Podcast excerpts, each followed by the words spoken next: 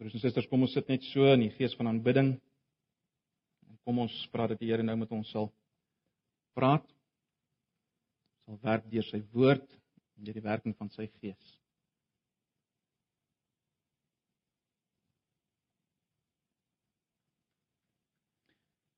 Ja, Vader, baie dankie dat ons hier kan wees om U te aanbid. Ag Here, ons doen dit nog in soveel onvolmaaktheid. Dankie dat ons kan uitsien na 'n dag wanneer ons dit in volmaaktheid sal doen. Intussen Here het ons nodig dat U ons oë weer en weer oopmaak vir wie U is, vir dit wat wat U doen en waarvan ons deel is, sodat ons U meer en meer kan aanbid. Here wil ook vra dat U dit vanoggend sal doen. Geef ons opnuut weer 'n verstaan van wat U vir ons wil as U gemeente. Ag Here, U weet dat ons dikwels oorbekend is met hierdie dinge. Ons hoor dit nie meer soos ons dit moet hoor nie en daarom vra ek Here, open ons ore vanoggend opnuut. Help ons om te hoor wat ons moet hoor. Kom verheerlik U self ten spyte van my eie swakheid en sonde. En elkeen van ons wat hier sit, se swakheid en gebrokenheid en sonde. Kom praat met ons op grond van die feit dat U ons hoof is en ons U liggaam is. Asseblief, Here Jesus. Nou wil ons bid ook in hierdie oomblikke vir elkeen in ons midde wat siek is en swaar kry. Ons spesifiek aan om Isak, dit weet nie goed gaan nie, Here. Wil hom aan U opdra, wil vra dat U hom sal versterk en dit aan die Gina wat hom moet bystaan. Ons wil steeds spesifiek bid vir Magriet na haar lyding. Ag Here, al wat ons kan vra is dat U baie na na sal wees en dat haar werklik die vermoë sal gee om deur te kyk en U te kan sien en te kan weet dat U haar liefhet, U haar vashou en dat U haar uiteindelik ook sal verheerlik. Bid vir Johan dat U vir hom sal versterk, sal deurdra op 'n baie besondere manier, asseblief. En al die ander in ons midde, Here, wat verskillende maniere swaar kry. Ag, wees by hulle, vertroos hulle en versterk hulle ook in hierdie oggend. Ons vra dit net in Jesus se naam. Amen. Kom ons blaai na Efesiërs hoofstuk 4. Verlede Sondag na die eerste paar verse gekyk. Vertrou almal het ook 'n preekraamwerkie gekry.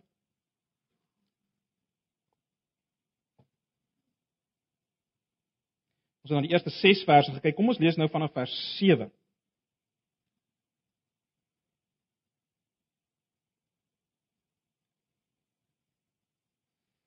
Lees maar die 83 vertaling. Waar nodig sal ek uh, na ander vertalings verwys.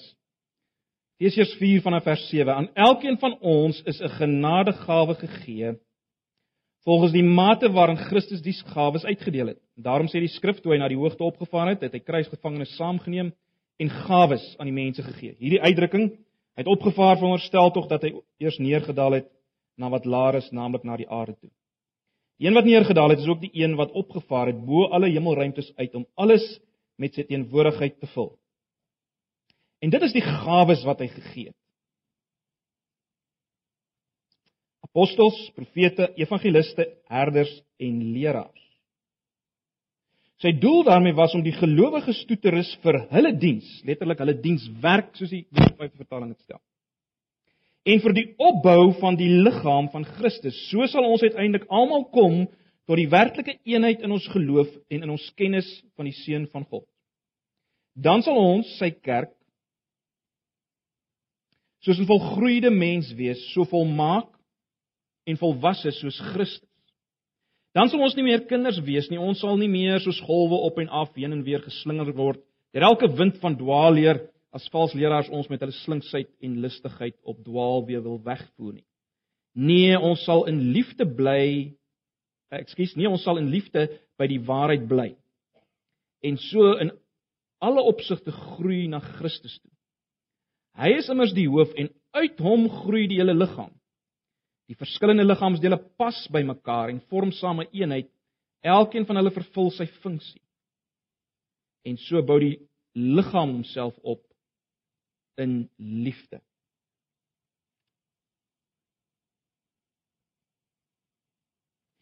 Lees net so ver. Nou broers en susters, as ek vanoggend sou afkondig dat hier twee seminare gehou gaan word deur dieselfde baie goeie bekende spreker. Twee seminare gaan gehou word, selfe spreker, met ander woorde, dit gaan dieselfde kwaliteit wees as ek dit so kan stel. Die een seminaar sal handel oor persoonlike geestelike groei. En die ander seminaar oor gemeentewees en gemeentegroei. Watter een sal jy bywoon? Wel, ek raai die meeste van ons, ekskuus. Ek raai die meeste van ons sal die die eerste een bywoon. Die een oor persoonlike geestelike groei. Waarskynlik sal uh, die ouderlinge en die diakens verplig voel om die tweede een by te woon. Maar hulle sal wens hulle hulle, hulle sal wens dat hulle ook die eerste een eerder kom bywoon. Ek sê dit so tongenetjies. Hoekom? Hoekom sal ons die eerste een eerder wil bywoon? Broers en susters, bloot eenvoudig omdat ons kinders is van ons tyd, 'n individualistiese kapitalistiese stelsel wat ongelukkig ook neerslag gevind het in die Christelike lewe van die dag. En dit kom al lank saam met ons. In so 'n mate dat elkeen van ons dink my persoonlike geestelike groei is die belangrikste ding. Meer nog, ons dink my persoonlike groei is vir God die belangrikste ding. En daarom sal ek as ek 'n toegewyde Christen is, let wel ek praat met werklike kinders van die Here, daarom sal ek as ek 'n toegewyde Christen is, nog tyd spandeer aan my eie persoonlike groei, sal sorg dat ek genoeg geestelike boeke het en so meer, maar uh, wat die gemeente betref en ander gelowiges, wel as daar tyd oor is, As daar tyd oor, sal ek aan hulle tyd spandeer. Nou broers en susters, ek gaan jou dalk volgens skok. Jou persoonlike groei is nie die belangrikste saak vir God nie. Wat is? Wat is die belangrikste saak vir God? Wel, die groei van sy kerk. Die liggaam van Christus as geheel Dit is die belangrikste saak vir God in die heelal, die groei van die liggaam van Christus op aarde gesamentlik. En omdat jy deel is van hierdie liggaam, is jou groei absoluut belangrik vir God. Omdat jy deel is van hierdie kerk, hierdie liggaam. Dis dis nog meer as dit. Kom ek stel dit so, jou groei. Luister mooi. Jou groei, jou geestelike groei kan nie plaasvind sonder die groei van die kerk nie. En die kerk, die liggaam van Christus se groei kan nie plaasvind sonder jou groei nie. Net so min, luister mooi, net so min soos 'n arm kan groei sonder dat die liggaam groei ons fisiese arms kan groei sonder dat ons fisiese liggaam groei.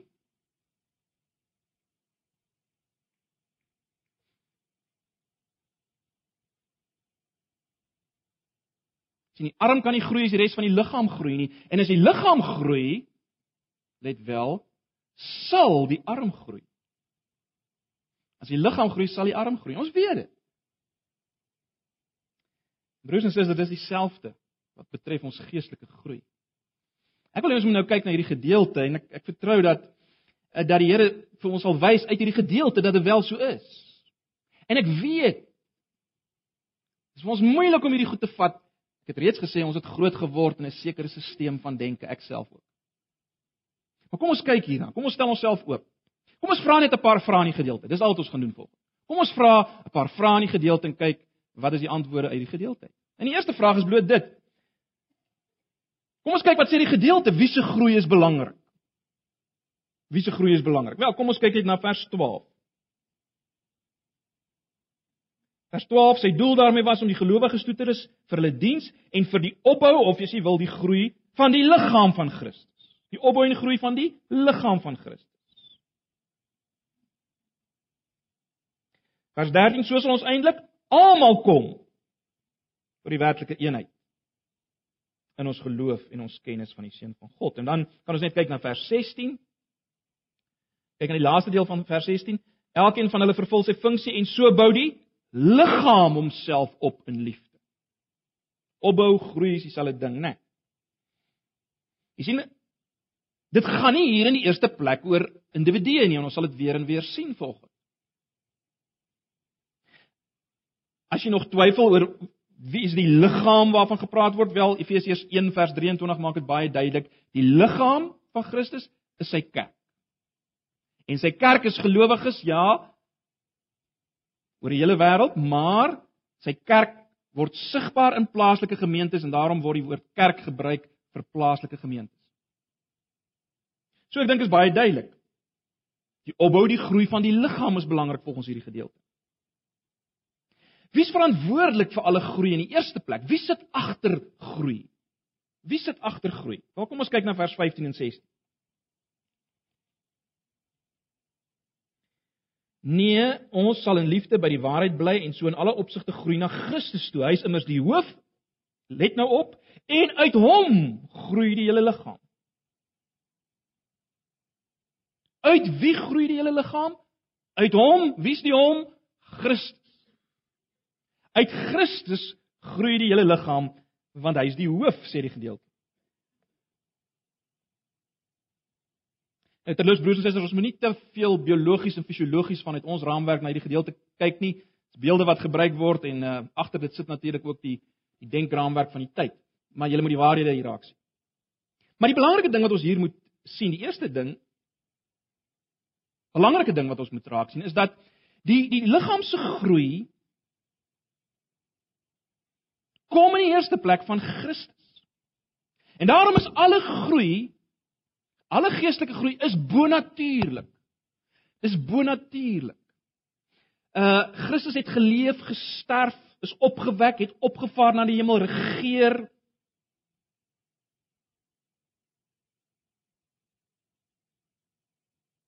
En hy het gawes gegee. Gaan ons nou sien om sy kerk op te bou. In ander woorde, wat ons moet raak sien heel aan die begin is Jesus Christus is nie passief as dit kom by die groei van sy liggaam en by my en jou groei dan per implikasie. Hy's nie op 'n afstand nie, hy's die lewende, aktiewe, dinamiese hoof van sy liggaam. Hy voorsien alle groei. Kom van hom af in die eerste plek. Daaroor moet ons nie twyfel nie. Die groot vraag wat ons moet afvra is: sal ons hierdie voorsiening wat hy gee ontvang? Sal ons dit verwag sal ons dit kanaliseer na mekaar toe. Hy's besig daarmee, verseker. Verwag ons dit? Gaan ons dit ontvang? Gaan ons dit kanaliseer? Dis wat ons vir onsself moet afvra. So dis die eerste ding wat ons maar net vanoggend moet sien. Christus is die lewende bron van alle groei. Hy is die oorsaak daarvan. Nie ek nie, nie ouderling nie, geen program nie. Jesus Christus is die eerste oorsaak van alle groei. Wie word gebruik en wie nie in hierdie proses wat van Jesus Christus afkom? Wie gebruik hy en wie nie? As ek dit so kan stel. Wie gebruik hy en wie gebruik hy nie om om hierdie groei van die liggaam te laat plaasvind? Wel In vers 11 tot 13 word dit vir ons beskryf, né? Nee. En dit is die gawes wat hy gegee het: apostels, profete, evangeliste, herders en leraars. Sy doel daarmee was om die gelowiges toe te rus vir hulle diens of hulle dienswerk en vir die opbou van die liggaam van Christus.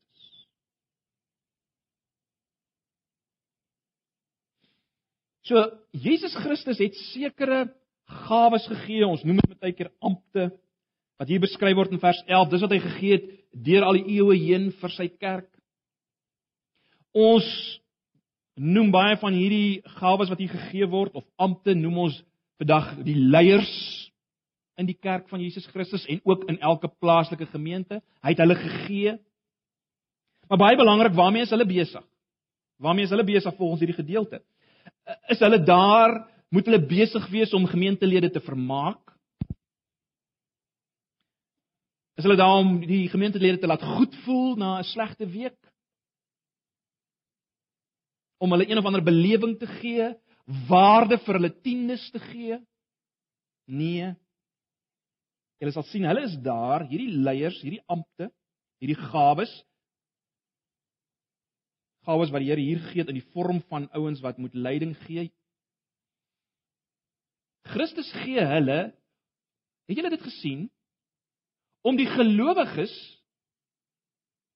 al die al die res wat nie hierdie spesifieke gawes gekry het nie, die, al die res van hulle op te bou vir hulle dienswerk. sien julle dit? Wie doen die dienswerk? Wie doen die werk?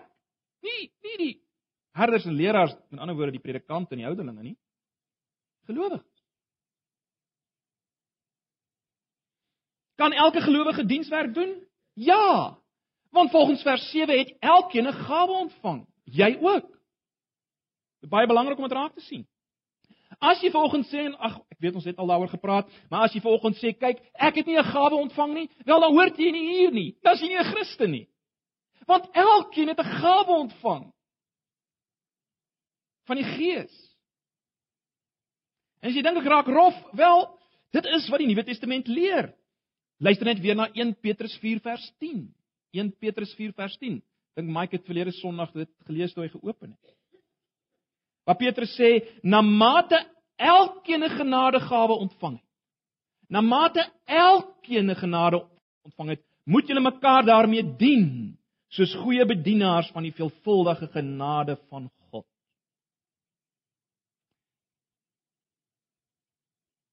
So elkeen het 'n gawe om mekaar daarmee te dien. Dienswerk te doen. Ek wil nie vanoggend uitbrei oor geestelike gawes nie. Ons het al 'n bietjie daaroor gepraat, maar 'n geestelike gawe is maar net elke of wat ek so sê, dit is enige vorm van besondere toerusting deur die Heilige Gees. Net wel elke gelowige het dit. Besondere toerusting deur die Heilige Gees wat gebruik word om die rondom jou op te bou in geloof en in kennis van Jesus Christus. Dis 'n gawe. Elke vorm van besondere toerusting. En daar's 'n groot verskeidenheid. Maar waarop ek vanoggend of wat ek wil hê ons moet vanoggend raak sien is dat Paulus se siening van die liggaam van Christus, let wel, Paulus se siening van die liggaam van Christus is een aan wie baie werk gedoen moet word. sien julle dit?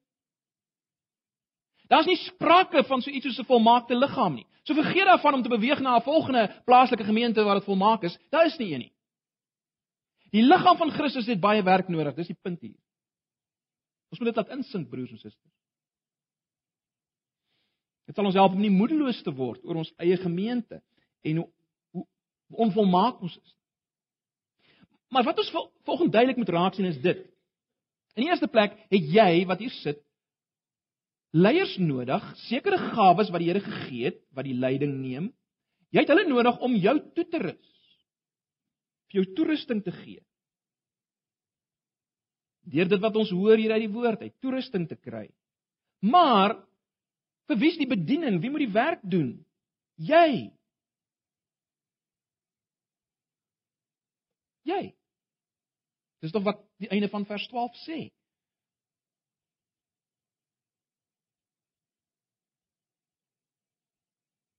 Kom ek stel dit anders.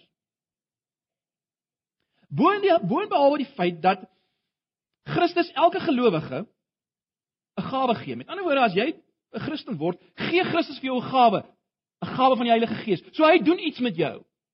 Hy hy doen 'n stuk bouwerk aan jou. Maar baie duidelikheid hierdie gedeelte is dit. Bo en behalwe dit wat Christus self so doen in jou, vir jou 'n gawe gee deur die Gees. Bo en behalwe dit, het jy die bediening nodig van ander gelowiges vir wie hy dit ook gegee het as jy wil groei.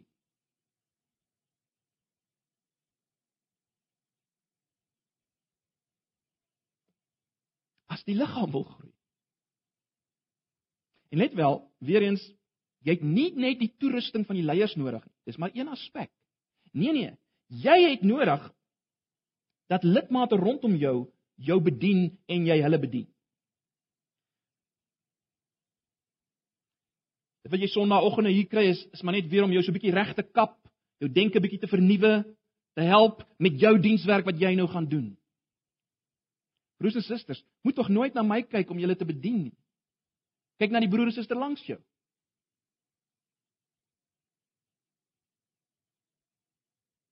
Dis tog wat die woord sê, is dit nie? Ons is gebrokenis, ja, maar ons is gebrokenis wat geroep is om mekaar te bedien, ons almal.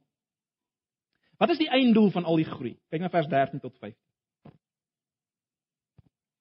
So sal ons uiteindelik almal kom tot die werklike eenheid. Let op die woorde. So sal ons uiteindelik almal kom tot die werklike eenheid in ons geloof en in ons kennis van die seun van God. Dan sal ons, sy kerk, soos 'n volgroeide mens wees, so volmaak en volwasse soos Christus. Het julle opgeleer die woordjie eenheid van geloof totdat ons kom tot eenheid van geloof en kennis van die seun van God? Jy sien dit bevestig dat Paulus die klem wil hê op die bou van die liggaam as geheel. Nie net op my as individu nie, weer eens, dit gaan nie oor jou as individu nie. Daar moet eenheid kom in geloof en kennis. Dis waarna toe die groei beweeg. Die doelwit is eenheid van geloof en eenheid van kennis. Met ander woorde om dit om dit om 'n bietjie meer prakties te maak. Broers en susters, uh as jy daar by die huis allerlei wonderlike diep boeke lees en jy kry ontsaglike insig rondom wie Christus is en jy groei. Maar die res van jou broers en susters baat nie daarbey nie hulle kom nie op dieselfde vlak as jy nie, dan help dit alles niks. Dis nie wat die Here wil nie. Hy het dit nooit so bedoel nie. Jy kan wonderlike woorde kry van die Here. Wonderlike insigte op jou eie daar. Maar as die res van ons nie daarbey baat nie, daardeur opgebou word nie, het dit enige nut volgens hierdie gedeelte. Let op die frase in die middel van vers 13. Paulus gebruik die beeld van 'n volwasse man. Hy sê so sal ons uiteindelik almal kom tot die werklike eenheid in ons geloof en ons kennis van die seun van God en dan sê hy dan sal ons sy kerk soos 'n volgroeide mens wees. Uh die 53 vertaling gebruik die uh die woorde volwasse man wees.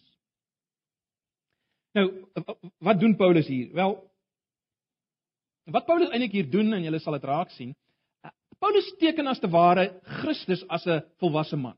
Jesus Christus is die volwasse man waarvan hy hier praat. Volwasse uitgegroeide man. Maar dan sien Paulus by wyse van spreuke die gemeente as die liggaam van hierdie volwasse man. En hierdie liggaam van hierdie volwasse man is nog nie heeltemal volwasse nie. Hierdie liggaam van hierdie volwasse man moet nog groei. Hy is nog in die proses om opgebou te word.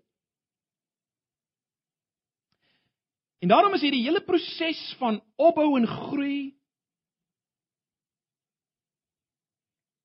is nie daar dat elkeen van ons individueel opgegroei en bou nie, nee, eh, in gebou word nie. Nee, die hele proses se doelwit is dat hierdie man hierdie liggaam wat nog nie volkome is nie, dat hierdie liggaam moet opgebou word. Dit help veel dat die vinger ontwikkel. maar as geen ruggraat. Om simpel beeld te gebruik. Jy sien, die hele liggaam moet saam opgebou word. Dis die punt. Tot die volle grootte van Christus sê Paulus. So wat is die punt hier, broers en susters? Christus gelykvormigheid is die doelwit van die liggaam as geheel, nie as nie individue nie. En ek weet, ons vat dit moeilik. Want ons is deurweek met individualisme.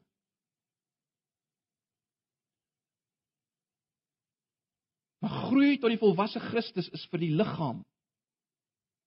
En jy's deel daarvan. Jy moet daarvan deel wees. Dis die geheel wat moet lyk en optree uiteindelik soos die volwasse Jesus. Die geheel Die geheel moet soos die volwasse Jesus word. Die, die hele logika van Paulus is baie duidelik hier, is dit nie? Ek is seker ek het al daaroor gepraat, maar maar dink daaraan. Jesus, toe hy op aarde was, in hom was al die gawes gesetel. Hy as een man kon alles doen wat God wil om sy koninkryk laat sigbaar word, né? Nee, hy het al die gawes gehad. Van wysheid en genesing en bemoediging en vermaaning, alles was in Jesus gesetel. Maar nou, nou is dit nie meer so nie. Nou is al die gawes wat in Jesus as een man gesetel was, versprei in sy gemeente.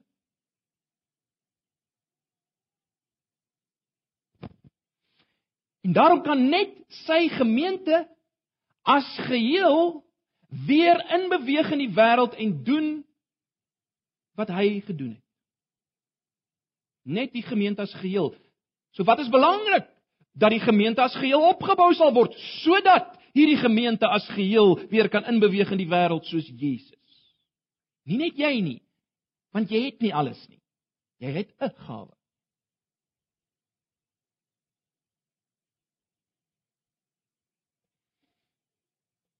Ons kyk net vir 'n oomblik na wat is onvolwassenheid volgens vers 14. Paulus sê dan sal ons nie meer kinders wees nie. Ons sal nie meer soos golwe op en af heen en weer geslinger word deur elke wind van dwaalleer as vals leraars ons met hulle slinksheid en listigheid op dwaalweë wil wegvoer nie.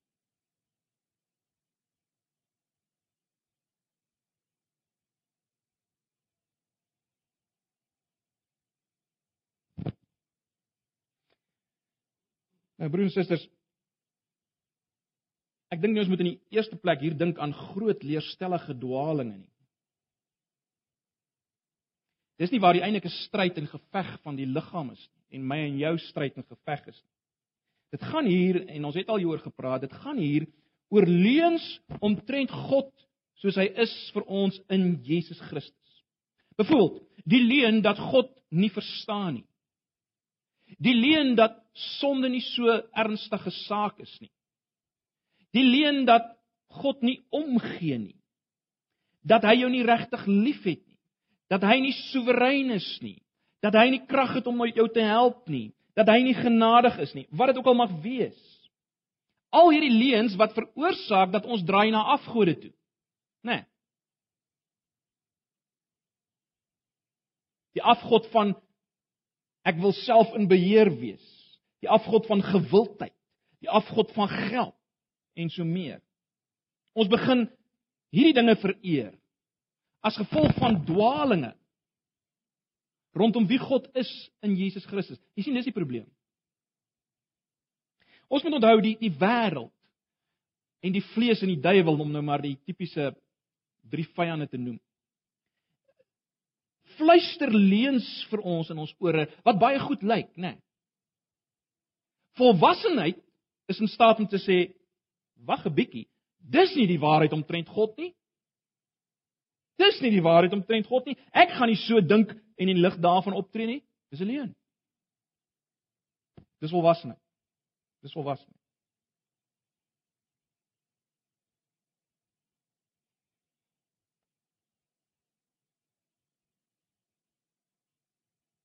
Nou, broers en susters.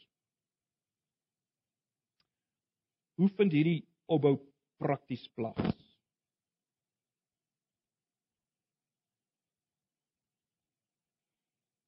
Sodat ons as geheel kan begin dink en optree soos Jesus Christus. Wel kyk na vers 15. Vers 15.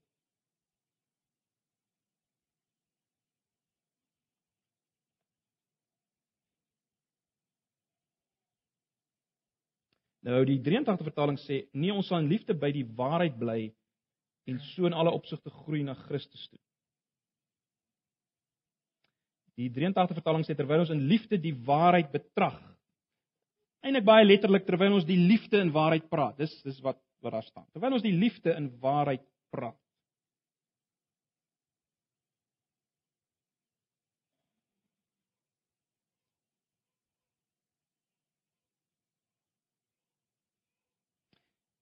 In ander woorde, hoe hoe bedien ons die mekaar, die liggaam?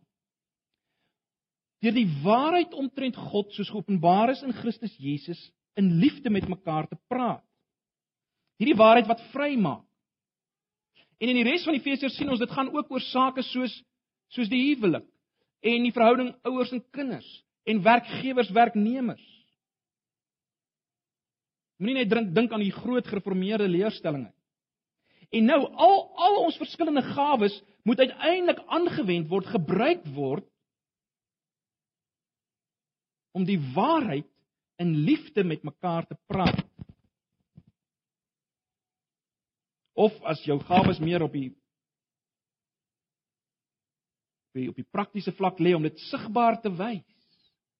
Die waarheid omtrent God en Jesus Christus. Maar hierdie twee kante, kennis en liefde is baie duidelik hier, né? Nee. Kennis sonder liefde weet ons blaas op, sê 1 Korintiërs 8 vers 1. Maar aan die ander kant, liefde sonder kennis is weer verwarrend, dis doelloos, eh, dit kan maklik disintegreer tot sentimentaliteit. En daarom bid Paulus in Filippense 1 vers 9 dat die liefde sal toeneem in kennis en ervaring. In ander woorde, broers en susters, as jy 'n broer of suster met die waarheid bedien en jy jy doen dit eintlik om die een daarmee te slaan, stil te maak, wel dan jy nie in liefde opgetree nie, dan jy nie opgebou nie. Maar aan die ander kant, as jy vreeslik liefdevol is, maar jy jy dra nooit kennis van die waarheid oor nie, wel dan bou jy ook nie op. Nee, dan bou jy ook nie op. Maar baie belangrik, wanneer vind hierdie opbouing deur dienswerk, wanneer vind dit plaas?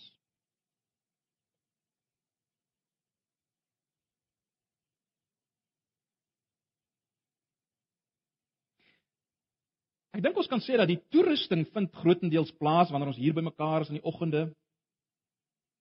Sondagoggende.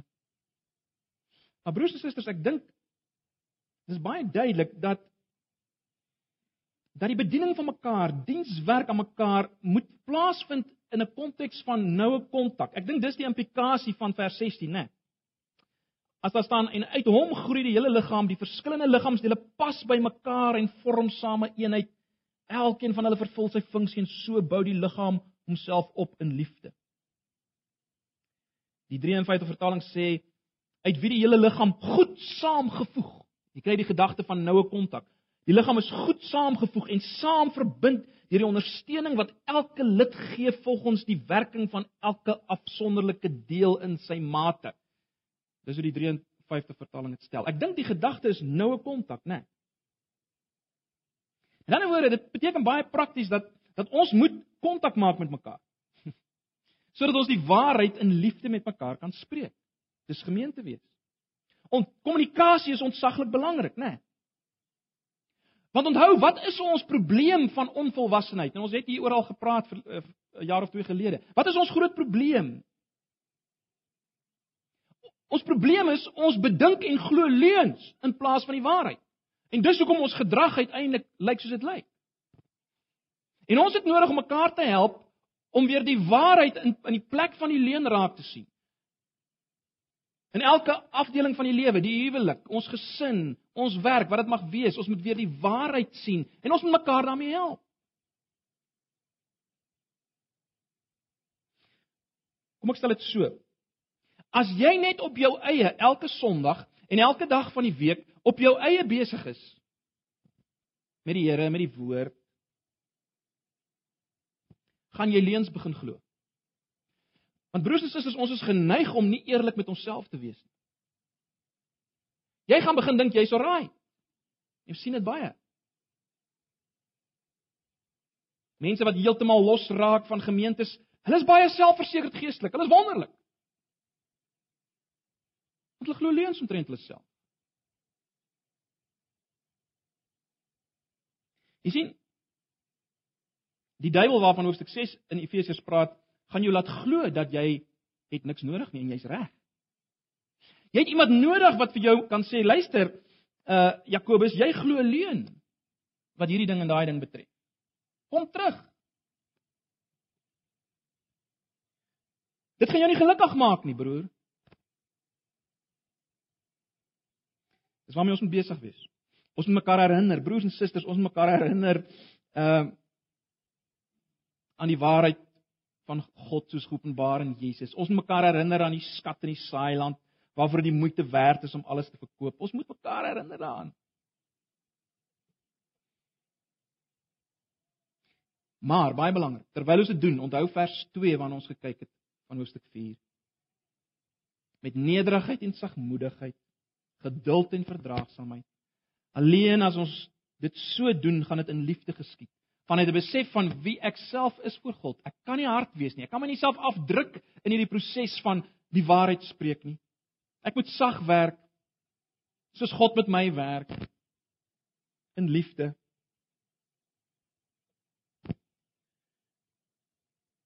Maar ons moet geleenthede skep om dit te doen. Broers en susters, ons moet vasraak aan mekaar as ek dit so kan stel soos 'n soos 'n vinger aan 'n hand en 'n arm aan die lyf. Ons moet. Jy sien dis ook net in daardie konteks wat ons werklik kan belydenis doen, wat so belangrik is in hierdie proses van die waarheid praat. Né? Nee. Dit is belangrik dat daar belydenis is van sonde onderling teenoor mekaar. Ehm uh, Jakobus stel dit so mooi in Jakobus 5 vers 16: Bely julle sondes eerlik teenoor mekaar en bid vir mekaar sodat julle gesond kan word.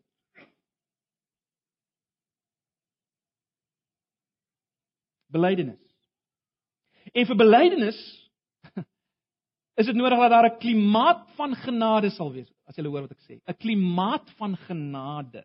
Met ander woorde, ek moet weet hier tussen my broers en susters kan ek eerlik wees sonder om verdryf te word.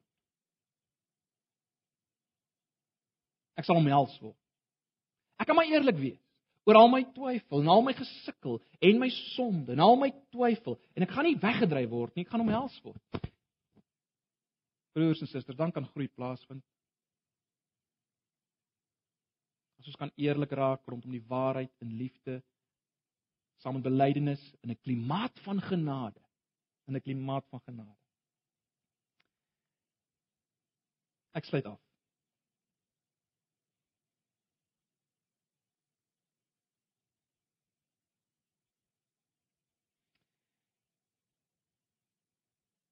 Ek weet Dis baie makliker om sogenaamd op jou eie geestelik aan te gaan en te groei sonder die klomp daar soos ons daarvan praat by die kerk wat natuurlik foutief is. Ons almal is deel van die kerk.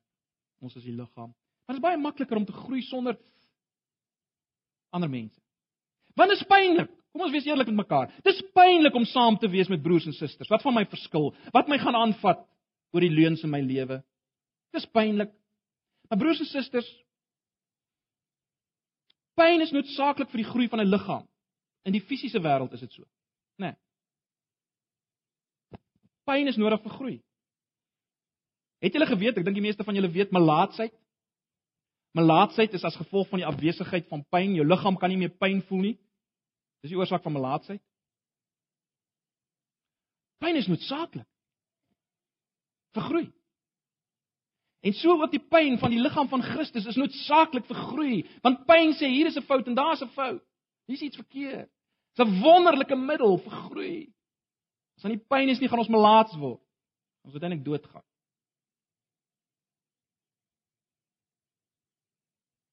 So broers en susters, al wat ek wil vra is kom kom ons maak weer opnuut erns met hierdie saak. Dis nie 'n ligtelike saak nie, hoor. Hoe meer ek besig is met Efesiërs word ek self keer op keer net eenvoudig uitgebul deur hierdie waarhede. En ek self, my eie kop is nog so individualisties. Ek erken dit. Maar broers en susters, kom ons bid dat die Here ons sal vrymaak.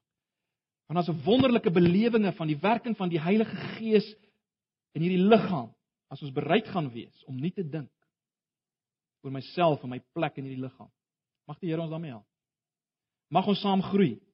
Mag ons nie rus totdat die liggaam as geheel soos hy hier sigbaar word in Antipas tot die volwasse man kom. En sy liggaam wêreldwyd tot 'n volwasse man kom.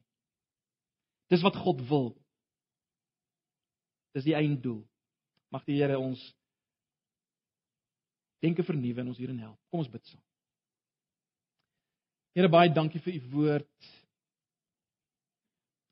Ons is so bewus daarvan dat ons nog so min begryp van van liggaam wees kerk wees.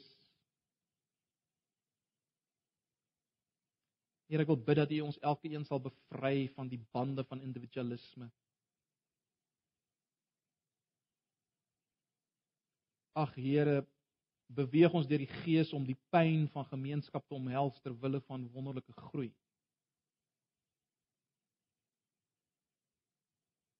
Tot eer van U naam en tot die uitbouing van die koninkryk asseblief. Ons vra dit net in U naam Here Jesus. Amen. Kom ons sluit af met 'n laaste lied.